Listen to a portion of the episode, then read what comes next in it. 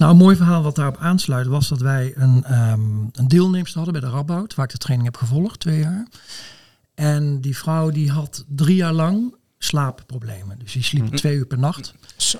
En dat, die was gewoon echt helemaal, ja, die was helemaal van het padje. Echt emotioneel een wrak. Hm. En die kwam dus bij een achtweekse mindfulness training. Ehm, Acht weken ook acht echt. weken, dus elke week 2,5 uur, acht weken lang. Zo. En toen vroeg ik aan haar, ik, ik weet niet hoe ze heet, ik zal hem even zeggen, Ingrid, van goh, eh, acht weken verder, ehm, wat merk je nu aan jouw slaapgebrek? En toen zei ze echt heel mooi, en dat geeft eigenlijk een beetje de essentie van mindfulness weer voor mij. Ehm, ja, ze zei, nee, ik slaap net zo slecht als voor die acht weken. Mhm. En toen hadden we als trainers, oeps. Ehm, Mislukt. maar zei ze, ehm, ik lig er niet meer wakker van. Wacht Ja, even. dat is wel de crux. Ja, ja, ja. ja. En ik zei, wauw, leg eens. Nou, zei ze, voorheen lag ik me druk te maken over het niet kunnen slapen. Ja. Dan gaan we morgen zo over.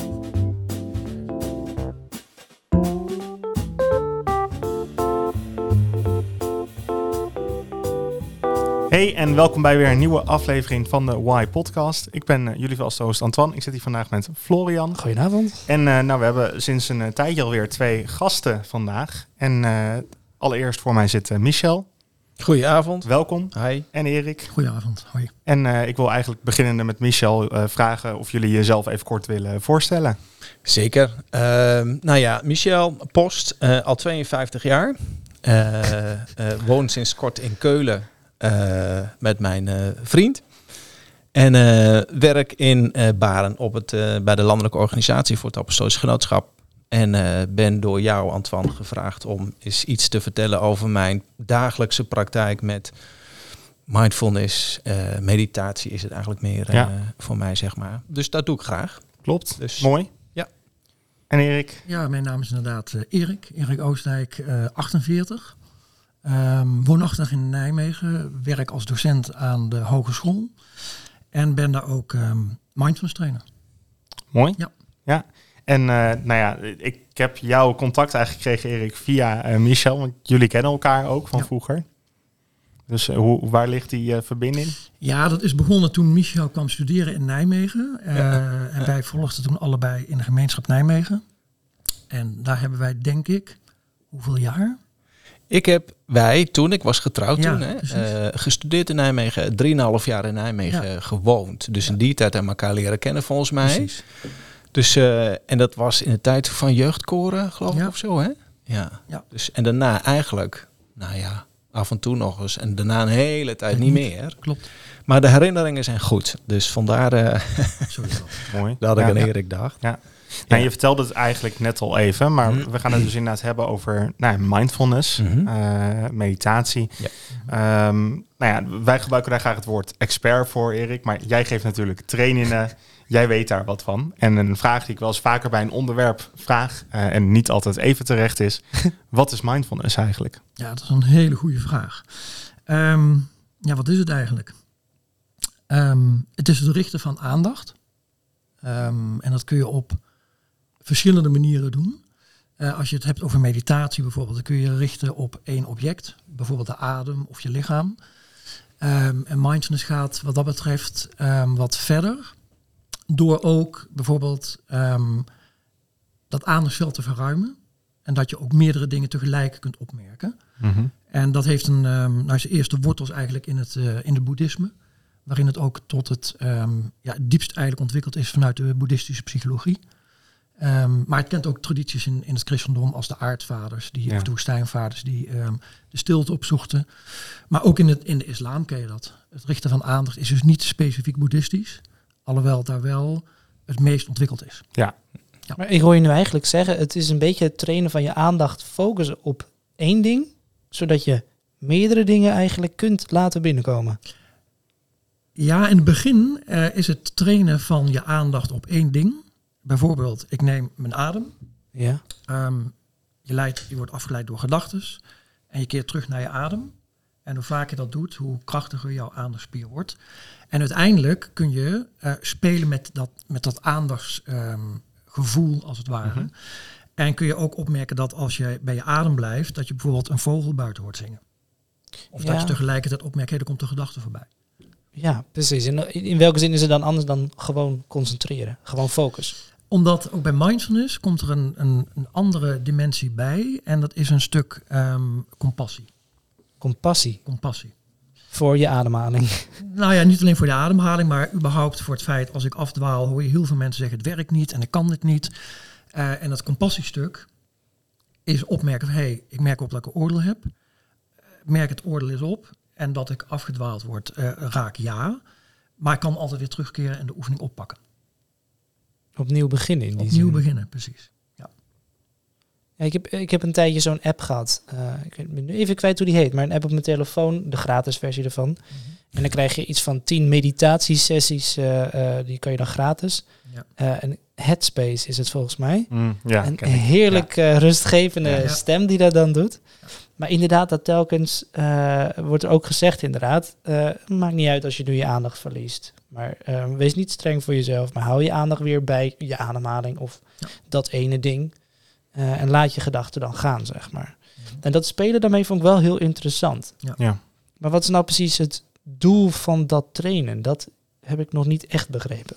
Ja, dat is ook een leuke. Het, het doel van mindfulness, ehm, ik, ik zeg bijna altijd mindfulness is een soort doelloosheid. En daarmee doe ik het tekort.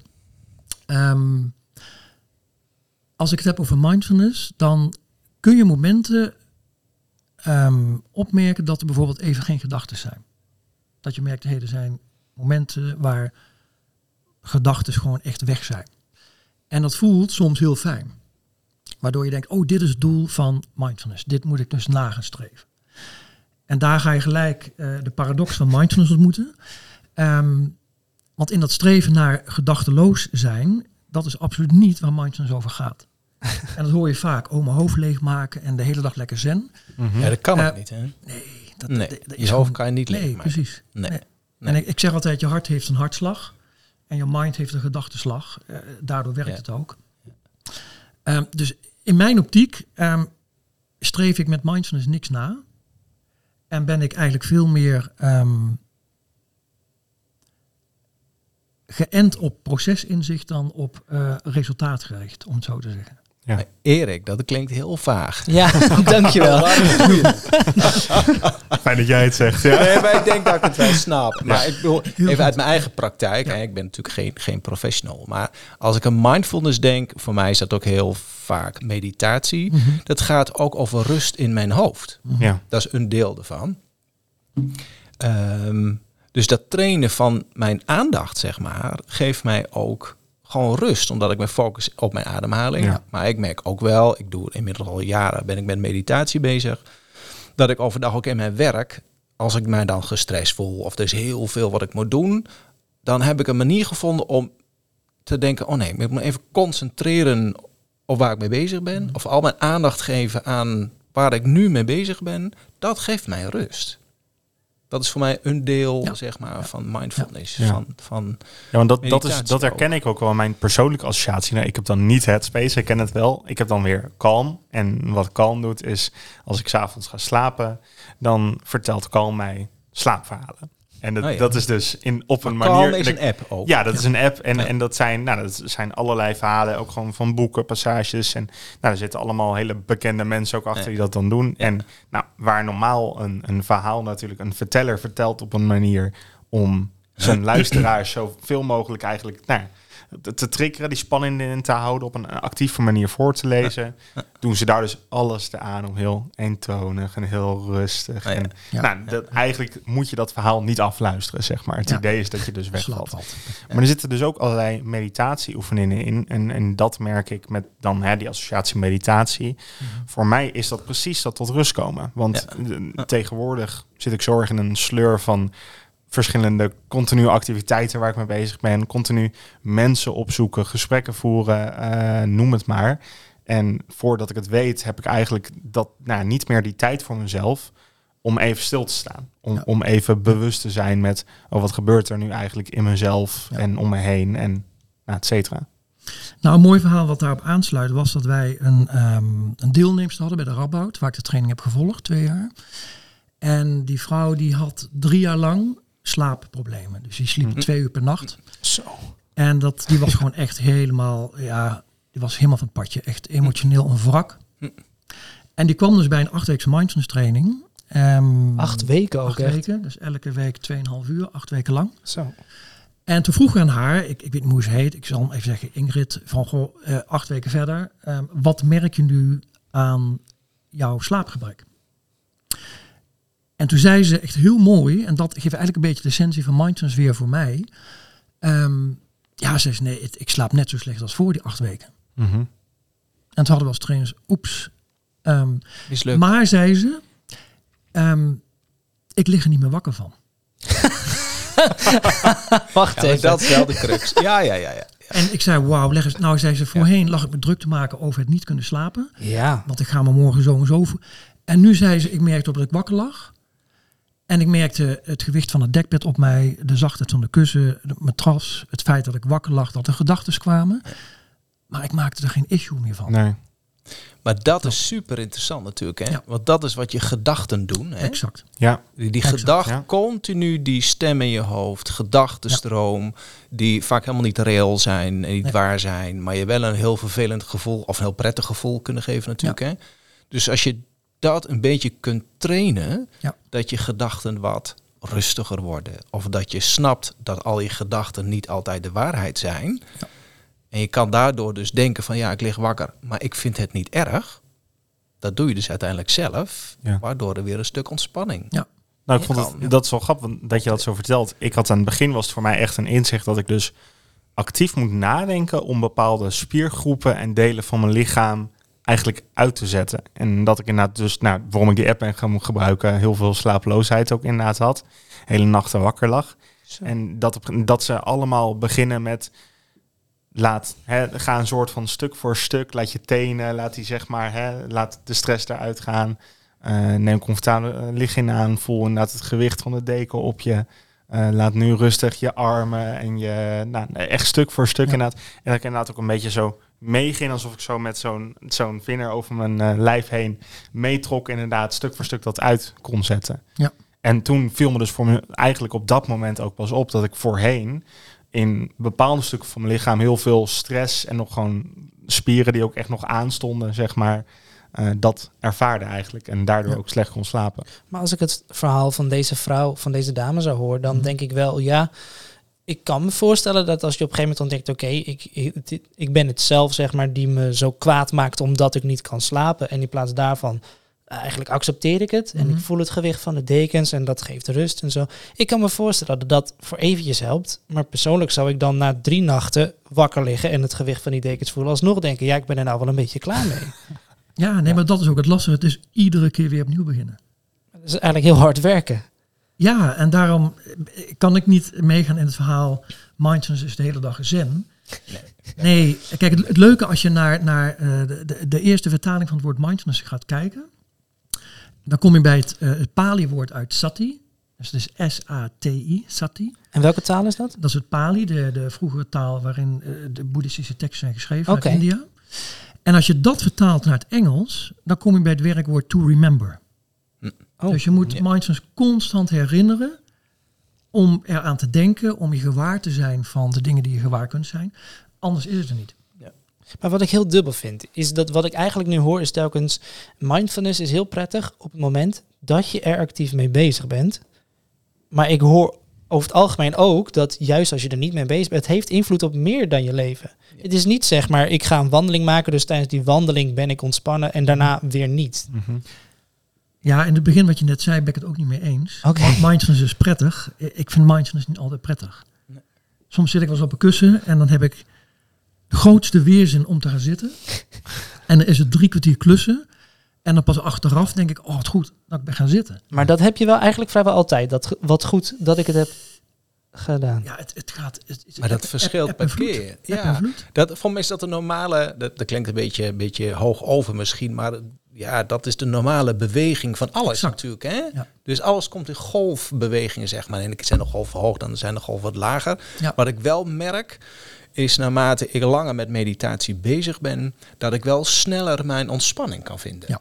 Weet je, dus je kunt er handiger mee omgaan. Dat, dat is wel heel fijn, moet ik zeggen. Dus dat is wel een aspect waarvan ik, nou ja, eh, weet je, dus je kunt nooit permanent gedachteloos zijn of Mhm. ontspannen zijn. Dat is ook niet, dat is niet normaal, of nee, niet normaal, maar dat, dat, dat kan niet. Weet je, dat Ja, kan gewoon niet. Ja, nee. Nou ja, Het gaat erom dat je ermee om leert gaan, zeg Ja. maar. Ja, Ja. precies. Want eh, mindfulness is ook op een bepaalde manier een trend. En je hoort voor sommigen echt, ja, oh, het is echt het toverwoord van nu. Oh ja, Het is ja. de oplossing. Ja. En ik denk zeker voor jongeren is het heel belangrijk om er wel ook kritisch naar te kijken. En eh, wel te beseffen, oké, maar wat geeft het nou echt? Ja.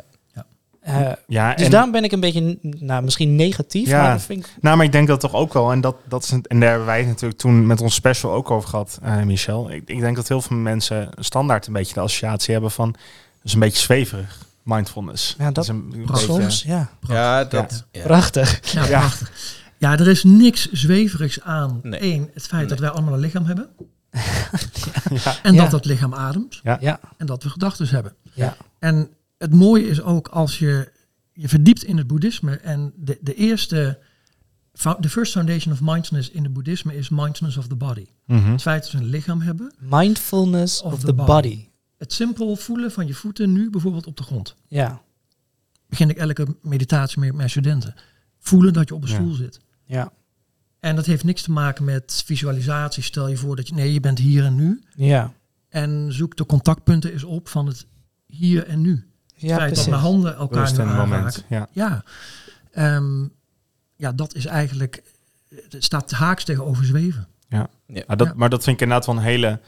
Dat alleen al een heel bijzonder iets hoor. Want er zijn zoveel dingen nou ja, hè, in het hectisch dagelijks leven. Zijn zoveel dingen die we eigenlijk automatiseren in ons hoofd standaard doen. Waar we niet meer over nadenken. En ik denk juist door hoe meer van dat soort dingen je gaat doen. Hoe meer je daar ook stress van gaat ervaren, zeg Ja. maar. Ja. En dat gaat dan nog over het staan. En Ja. dat kun je heel erg doorvoeren natuurlijk. Ja, de training heeft mij wel heel geholpen ook om mij bijvoorbeeld beter te kunnen concentreren. Mhm. Of beter dingen te kunnen onthouden. Weet je, Ja. ik kan me voorstellen als je net afgestudeerd bent, je hebt je eerste baan en je wil je carrière maken en je staat bol van de stress omdat je op een punt staat dat je denkt, ja, wat moet ik nu? Dat er heel veel in jouw leven gebeurt. Misschien net een relatie, je krijgt misschien net een kind. Dat je als je, als je dan weet ehm, hoe je even uit die gedachtenstroom Mhm. kunt. Nou ja, stappen is een beetje te groot woord, maar Ja, hoe je dat een beetje tot Ja. rust kan brengen. Zodat je wat minder stress ervaart alleen al. En beter kunt nadenken over een eventuele volgende stap die je wil zetten, wat dan ook. Alleen dat al is gewoon heel fijn. Hoe kan het nou dat je, eh, wat je aangeeft, Michel, dat je beter kan concentreren? Ook op momenten dat je niet bezig bent met mediteren, zeg maar. Ehm, terwijl dat niet, ja, je bent dus niet bezig met mediteren, maar toch is je concentratie hoger. Dus het heeft wel een blijvend effect. Ja, op, maar ook dat gaat op en af, Florian. Weet je, ik bedoel, ik zit soms ook volledig in mijn mail en dan, dan, dan kan ik helemaal niet meer goed nadenken. Totdat ik mij ervan bewust ben. Ik denk, oh, wacht eens even, wat ben ik aan het doen? Ja, Oh ja, en dan komt weer een bepaalde mate van rust, ook niet altijd. Maar dan het feit dat ik me ervan bewust ben. Dat ik met, nou ja, met heel veel gedachten bezig ben. Omdat er allerlei mails binnenkomen, zeg maar. Ja. Het moment waarop ik mij het bewust ben, komt er weer een beetje rust. Dat is de training, denk ik. ja precies. Maar het gaat op en af. Maar je ziet het ook terug als je een MRI-scan maakt van mensen die ehm, beginnen aan de achtweekse training. Acht weken doen wat er gevraagd wordt, huiswerk en naar de sessies komen. En na acht weken weer een MRI-scan. Dan zie je in de, de prefrontal cortex, dus het voorste deel Ja. van je brein, dat, dat, dat die grijze massa is aanzienlijk dikker geworden. Oh, echt? En dat is precies ook het gebied wat je gebruikt om geconcentreerd de dingen te doen, te plannen. Ja. Dus dat, dat zie je letterlijk terug. Nou ja, en precies dat gebied dat bij bij pubers nog, bij adolescenten, jonge adolescenten nog echt in aanleg is. Nou, sterker nog, in voorbereiding op van, vanavond op deze podcast had ik een, een onderzoek opgezocht van eh Zara Lazar. Die heeft in 2011 een onderzoek gedaan. En daarbij blijkt dat met name bij 50-plussers, waarvan we denken dat de grijze massa minder wordt, als die blijven mediteren, dat de grijze massa blijft toenemen. Blijft plaats- toenemen. In plaats van afneemt. Dat is bizar. Tegenovergestelde, ja. Ja. En dan blijkt Ja. dus ook dat bijvoorbeeld nu, een hele interessante, met Alzheimer, zijn onderzoeken bezig, mindfulness Alzheimer. Daar lijkt een, nou ja, een, een invloed te zijn. Wauw. Mensen die Mhm. blijven mediteren worden minder vatbaar voor Alzheimer disease. Ja, of, het, of Ja. je, wat ik ook wel heb gehoord, Erik, of gelezen, dat weet ik niet meer. Dat in ieder geval, eh, dat bijvoorbeeld de Alzheimer of de eh, dementie, dat het uitgesteld Exact, wordt, zeg maar. ja. Hè? Dus het is Ja. geen garantie dat je het niet Nee, krijgt. nee. Dat is natuurlijk onzin, maar Ja. Het zet later in. ja, Ja. ja, ja, Ja. omdat je, het is een soort mind gym wat je doet. Hè? Ja. Dus je traint je mind of je hersenen. Ik geloof ook wel, ze hebben ook wel bij, op- bij boeddhistische monniken, wel hebben ze wel hersenscans gemaakt en tests gedaan van wat gebeurt er nou als iemand mediteert. Ja. En ik ben geen wetenschapper, maar het is wel zo dat die geloof ik rustiger hersengolven Ja. hebben, zeg maar. Puur door de jaren training aan mindfulness en meditatie. Het schijnt ook te zijn dat je, je bepaalde, even mijn leken taal, bepaalde paardjes in je hersenen, zeg maar, waardoor je bepaald gedrag vertoont, bepaalde dingen denkt. Maar die kun je dus veranderen. Doordat je nou, bepaalde gedachten continu herhaalt. Of in Ja. het boeddhisme mantra's herhaalt. Of dus mediteert, zeg maar. Kun je wel degelijk een ja, soort van nieuwe paardjes in je hersenen aanleggen. Dat vraagt training en een lange adem. Ja. Dus, dus jouw veronderstelling, wat je net zei, Florian, van heeft het een blijvend effect? Misschien op een bazaal niveau, als je ermee bezig bent, zeker. Hè? Ja. En dus het sneller weer bij je rust of bij je concentratie kunnen komen, heeft volgens mij daarmee te maken. Dat je gewoon een soort van ja, nieuwe patronen in je hersenen, Mhm. zeg maar, aanlegt. Ja. Zo. Ja. Dat is heel wonderlijk. Hey, Erik, jij hebt een eh, nummer meegebracht van eh, Leonard Cohen. Ja. Dat heet Anthem. En daar wil ik graag een, eh, een stukje van laten horen.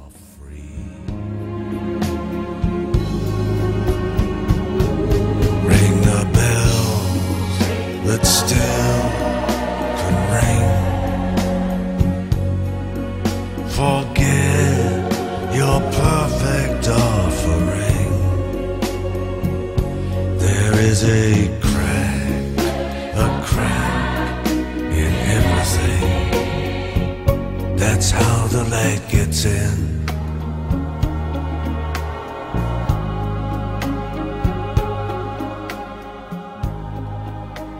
Kort stukje dit natuurlijk. Ja. Leg eens uit, wat, wat is jouw gevoel hierbij? Nou, één is dit een nummer wat mijn vader vroeger altijd eh, op zondag altijd speelde. Het was of Mhm. klassieke muziek of Leonard Cohen. Ehm, dus het is altijd een herinnering aan mijn vader, die inmiddels alweer bijna 17 jaar geleden overleden is. Ja. Ehm, dus dat blijft wel herinneringen. Mhm. Maar de tekst vooral, deze wordt heel veel gebruikt in de, in de mindfulness traditie. En met name de eerste zin, forget your perfect offering. Mhm. Ehm, als je je best gaat doen om te proberen om mindful te zijn, dan werkt het vaak niet. Dus doe vooral niet je best. Dat, dat is ook zo'n. Denk, ja, wat wordt het dan? Niet je best doen en laat je verrassen. En met name ook eh, de scheuren in dingen en de breuklijnen in dingen, dat daar juist ehm, het licht naar binnen komt. In plaats dat we die breuklijnen en die gevoeligheden vaak willen, willen weg hebben eigenlijk. Mhm. Ik noem dat met mijn studenten altijd als we naar de, de cosmetische industrie kijken. Elke rimpel en elk eh, vlekje Ja. moet weg. Eh, terwijl ik denk, ja, ehm, juist op die plekken eh, word je juist meer mens in mijn beleving. Ja, juist het perfecte en het Exact. imperfecte. Exact. Ja, ik vind sowieso, misschien een zijstapje, maar ik vind sowieso, eh, ik val voornamelijk op mensen die eh, juist net niet perfect zijn, zeg maar. Mhm. Dat ze net een eigenaardigheid Ja. hebben. Net iets te lange hoek dan, of een klein beetje een overbeet, of weet ik veel wat. Ja, Ja, dat vind ik ja. veel leuker. Ja. Ja, Ja. absoluut. Wat voor mij, hè, als- als ik nu een beetje zo luister naar dit gesprek, dan gaat het dus vooral heel erg sterk over simpelweg het bewustzijn. Dus meer nagaan denken over, over je, je eigen lichaam, je eigen omgeving. Corrigeer mij als ik iets Ja, fout zeker. zeg. Ga ik zo doen. En, Ik ook. eh, ja. Ah, we gaan het zo corrigeren. Ja, maar ik, ik kan me heel erg voorstellen dat juist in, in hè, de hedendaagse wereld, we hebben best wel veel te maken met een aantal prikkels, een aantal triggers die eigenlijk niet meer te vermijden zijn. Eh, op ons schermpje, tegenwoordig zitten we met 20 centimeter tussen ons en het scherm eh, filmpjes te scrollen. Nou, je ziet het ook al in het soort social media. We gaan steeds, we gaan eigenlijk af van het, een afbeelding naar korte filmpjes waar zoveel mogelijk prikkels in een, Ja. nou, in een heel korte tijd Ja. aangeboden worden. Eh, en, en in mijn gevoel weerspiegelt dat ook steeds meer af in de rest van ons leven. Ook in, als ik door de supermarkt loop, eh, als ik gewoon op straat ben. Eh, en nou, dus in mijn constante, mijn manier van denken, al die prikkels, al die triggers. Ik kan me voorstellen Ja, dat, dat het juist toch- daar heel relevant is. Er is toch zo'n statistiek, ik weet niet precies wat het is, maar vergeleken met iemand die 100 jaar terugleefde, zeg maar de prikkels die zij in 30 jaar tijd hadden, hebben wij nu op een dag. Ja. Iets in die trant. Nou, dat is ziek. Dat is echt bizar. Precies. Dat is Ja. echt bizar. Het, maar tegelijkertijd is ook wel weer een kanttekening. Kinderen die groeien daar ook mee op. Ja, dus, Dus als in ze zijn eraan gewend op een bepaalde manier. ja, dat, dat, kan ik, dat kan ik niet met 100% zekerheid te zeg- zeggen. Maar die, ik beleef dat anders dan kinderen die... Mijn nichtje bijvoorbeeld, die is nu, hoe oud is ze, 7 of 8. Die is met heel veel prikkels opgegroeid. Als ik mezelf daarmee vergelijk, toen ik zo oud was, waren er minder prikkels. Maar ja, ik zat ook in een andere omgeving. Dus ik, Ja. nou, dat, altijd- dat, maar onze hersenen, die evolueren niet in een, in een spanne van 40 jaar. Mm, Het zijn dezelfde hersenen. Dus ja, net als dat je als je eh, heel jong bent, kan je makkelijk een taal leren. En vanaf je achtste eigenlijk al een stuk lastiger. En laat staan als je dertig bent. Ehm, maar er zijn nog steeds wel grenzen. En ik denk onze hersenen zijn op een bepaalde manier dat gebouwd. denk ik ook. En er is gewoon een maximum aan aantal prikkels dat wij normaal kunnen verwerken. Ja, ja. En daarom, Ja, en ik, ik kijk Florian, ik, ik bedoel, zo mijn nichtje van zeven is even een mooi voorbeeld. Dat houdt niet in dat dat dus geen probleem is. Hè? Dat Nee, zij met heel veel prikkels gebombardeerd wordt. Alleen ik denk dat zij er beter mee om kan gaan als mijn eh, zevenjarig jongetje, zeg maar. ja, ja. Maar ik geloof zeker wel, dus ook voor haar geldt, dat er een grens aan zit. Nou, dat, dat, ik denk ook dat, dat het wel kan inderdaad. Wat mij bijvoorbeeld wel opvalt, is dat ehm, nu de, nou ja, wat laten we zeggen, de, de 12 tot en met eh 18, zeg maar, die, leef, eh, die leeftijd, die kinderen nog maar heel korte aandachtspan. Ja. Mhm. Dus eh, ik heb laatst een keertje bij een, een, een groep een filmpje laten zien van 15 minuten van een TED-talk. Nou, na vijf minuten was ik gewoon 90% van die groep kwijt. Ja. Ja, het was echt wel een heel leuk filmpje, maar het is gewoon de, de, eh, hoe hun brein dus nu eigenlijk ingesteld is en, en een soort content wat zij consumeren, kunnen ze niet meer met een volledig gedeelte een filmpje van Ja. 15 minuten kijken. Dat ik denk van, ja, maar het is maar 15 minuten. Hij heeft ook met snelheid te maken. Want Absoluut, misschien ja. een filmpje van vijf minuten waarin heel veel gebeurt, dat misschien wel gekund. kan. Nou, dat is wel, voordat we te ver afwijken, maar dat zie je natuurlijk wel met nieuwe films en Marvel en dat is heel ja. erg gevuld met actie. Nou, als ik nu The Longest Day eh, ga kijken, Ja. dat vind ik dat Longest vind ik Day. heel mooi, maar ik kan het echt niet uitstaan. Nee. Het, duurt, het, duurt, het is zo traag, het duurt zo lang. Daar kan ik, daar kan ik niet naar kijken. Ja. Dat is echt. eh, want, want mijn brein is alweer met 30 andere dingen bezig.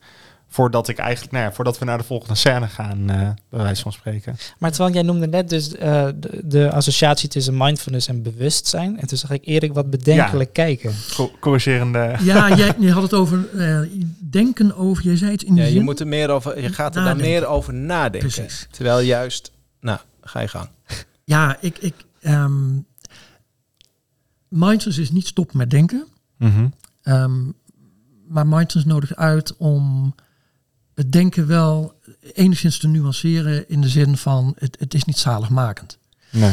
Ehm, als ik bijvoorbeeld vraag jou nu, kun jij je rechtervoet voelen? Nu wel. Is wel anders dan dat ik zeg tegen jou, denk aan je rechtervoet. Ja. Ja, D- d- dat verschil, ja. ehm, d- daar maar gaat het, mind- het stilstaan dan bij je. Want dat bedoel ik een beetje, ook met die, die oefening waar ik het natuurlijk over had.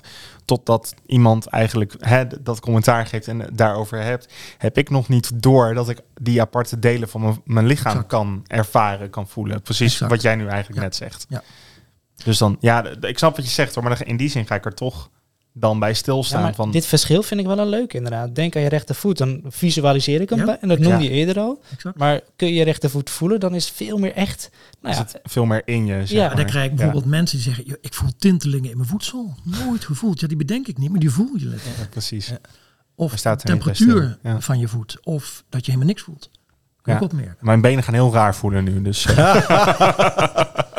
Ja. Maar word Ja. je dan met mindfulness ook veel bewuster van jezelf in die zin? Van hoe jij bent, wie jij bent? Ja, het zijn van die mooie filosofische vragen. wat, is, wat is jezelf? Ja, dat is ook ja. eh, binnen het boeddhisme echt Ja, een, klopt. een heel ander beeld dan wat wij in het Westen hebben. Ja. In het boeddhisme zeggen ze, er is geen zelf.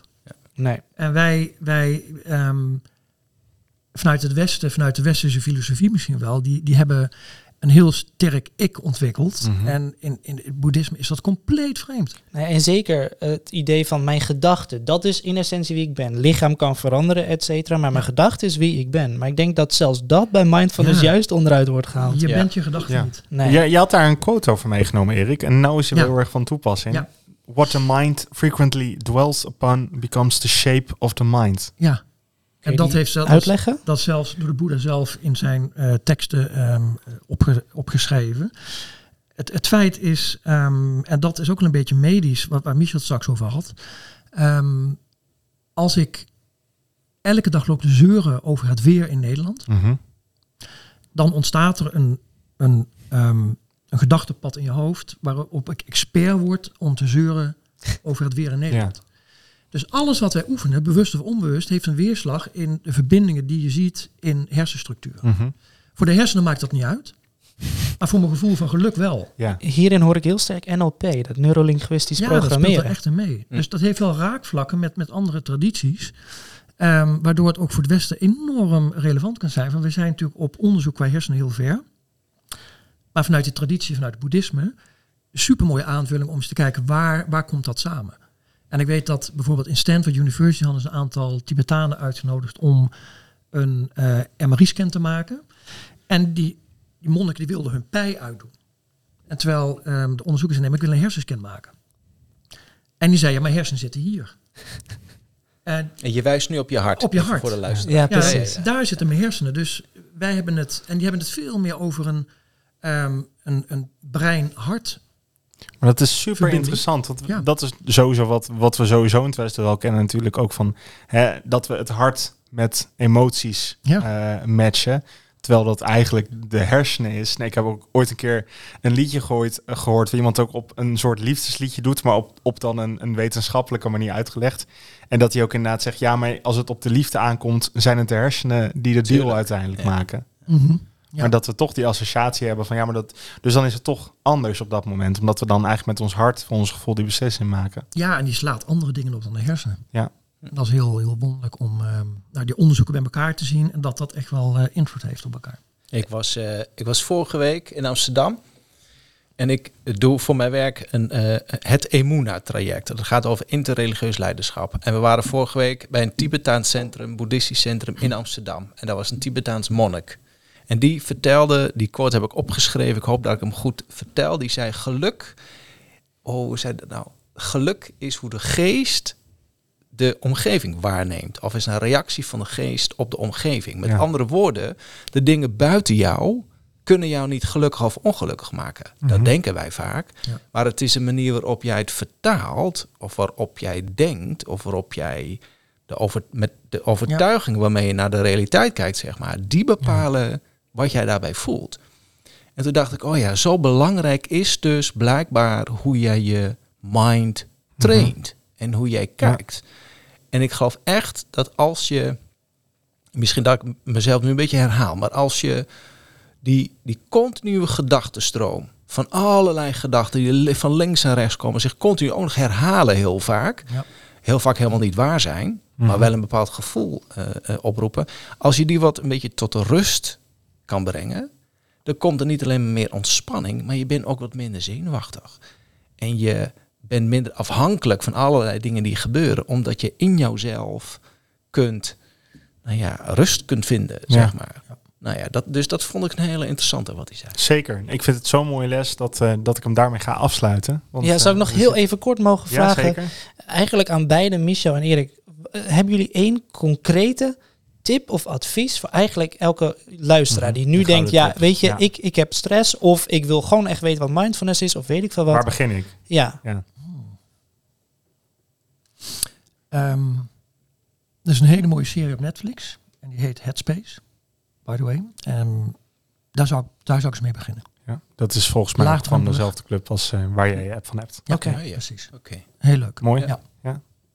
Michel, Ja, ik ben heel gaan nadenken. Ja, kijk. eh, ehm, daar begin tijd voor. Nee, maar ik ben begonnen bij, ja. ik ben begonnen bij dat, dat, dat in Amsterdam, bij het ABC van meditatie. Daar heb ik stap voor stap meditatie geleerd. Omdat Ja. ik geïnteresseerd was door dit soort verhalen zelf.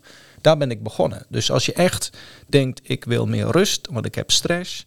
Ja, zoek ook gewoon hoe je kunt beginnen met mediteren. En Ja. ervaar hoe dat, wat het met jou doet. Mooi.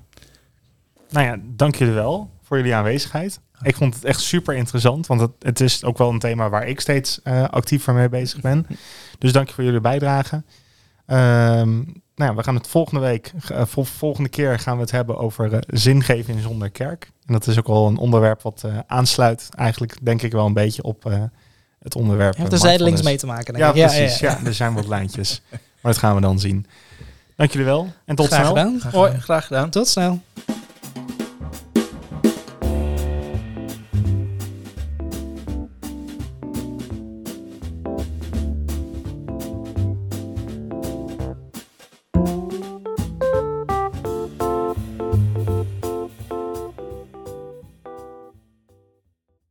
Bedankt dat je weer geluisterd hebt naar een nieuwe aflevering van de Y Podcast.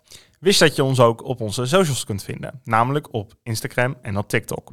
Op TikTok kun je allerlei leuke filmpjes vinden achter de schermen van onze gesprekken en wat er omheen gebeurt. Je kunt ons vinden op Y Podcast, kleine letters aan elkaar. Je kunt ons ook mailen als je persoonlijk met ons in contact wil komen. Dat kan via contact@ypodcast.nl. Leuk dat je er was en hopelijk tot de volgende keer.